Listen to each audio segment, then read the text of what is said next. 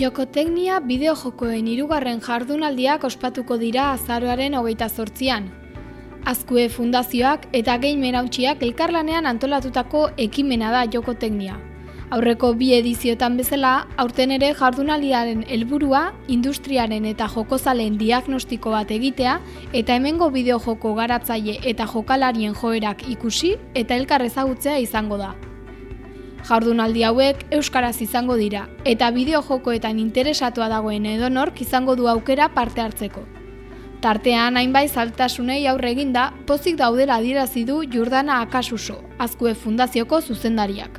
Jokoteknia eh, jardunaldia bideojokoen eh, gaia euskaraz edo bideojokoen inguruan hitz egiteko, hausnartzeko, sakontzeko antolatutako jardunaldia aurten, ba hirugarren urtez eh, antolatuko duguna. Baina, bueno, zailtasunak zailtasun izan da, uste dugu asmatu dugula, bai formularekin eta bai edukiekin, eta posik e, etortzen gara zuei aurkestera, datorren eh, azaroren e, hogeita sortzidako prestatu dugun programa.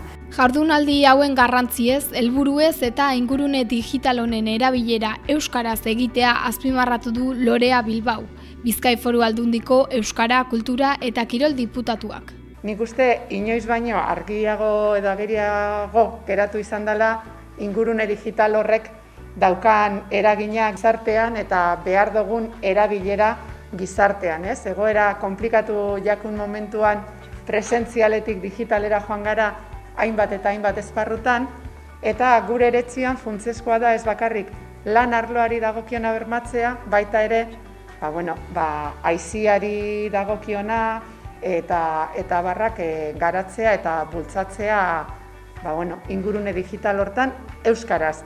Oraintze daukagu aukera euskararen tokia hor nabarmentzeko eta aprobetsatu egin behar dugu ba, bueno, ba, ba egoera hau nola baita esateko ba, bueno, euskararen presentzia benetan indartzeko arlo horretan be, ez?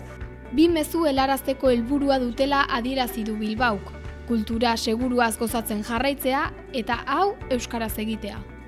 Bi mezu argi bultzatu behar ditugula eta da kultura eta euskara kontsumitu, kultura eta euskara dago sanguneak gune seguruak dira, norberak mantentzen baditu, mantendu beharreko neurri guztiak gune seguruak dira, sektore auskorrak dira eta sektore horrik bultzatu eta sendotu behar ditugu danon artean.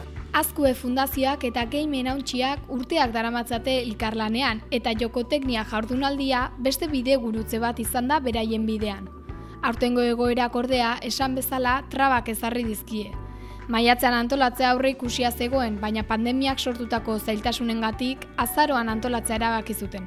Horregatik, azaroaren hogeita sortzean egingo diren jardunaldi hauek streaming bidez egingo direla azaldu du maitane junguituk, game erauntziko kideak.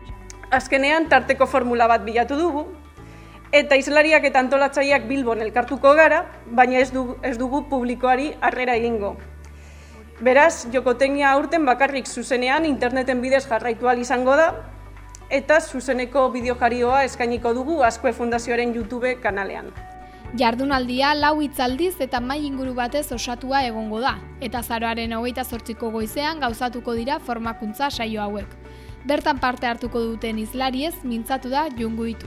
Azteko, Julen Urruti animatzaileak bideojokoen animazioak daukan, eh, animazioak daukan lekuari buruz hitz egingo du. Jarraian, itxiar zorrakin EHUko doktore gai eta linguistak bideojokoen lokalizazioa zer den azalduko du hainbat adibidearen analiziaren bitartez. Hirugarrena, pantailez amigazeko Igor Gaminda izango da. Honek bideojokoen familia eta taldeko kontsumoari buruz gogoeta egingo du. Eta laugarren islaria, Laura Santa Maria, Universitat Autonoma de Barcelonako irakaslea izango da. Katalana eta bideojoko eta sarituko da, katalai bideojoks, produkzio praktika traduktora itzaldian. Eta bukatzeko ohikoa denez, arrobia ikastolako eta digipen eskolako ikasleak izango ditugu mai inguruan, bere esperientzari buruz hitz egiten. Urren gurteetan bideojokoen garapena ikasi nahi duten pertsonentzat oso gomendagarria da mai inguru hau beraien esperientziak azalduko dituztelako. Bideojokoen arloan emakumeek duten lekua ere azpimarratu du. Emakumeok ere bideojokoetara jolasten dugula erokutsi nahi dugu. Eta hauekin eta hauetan interesa dugula ere aizialditik araindi ikartzaile bezala. Azkenik, aurtengo joko tekniak dakarren berezitasuna zein izango den azaldu du. Amaitzeko aurten berritasun bat dakar joko tekniak.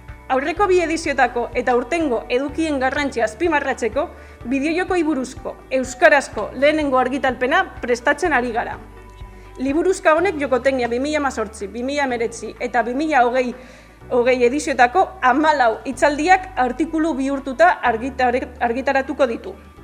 Irurte hauetan zehar profesional oso disberdinen ekarpenak izan ditugu, eta ondorioz liburuzka honek gai orotarikoak landuko ditu. Besteak beste, Euskal Bideojokoen historia, ekoizpena, diseinua, itzulpengitza eta lokalizazioa, kontserbazioa eta feminismoa.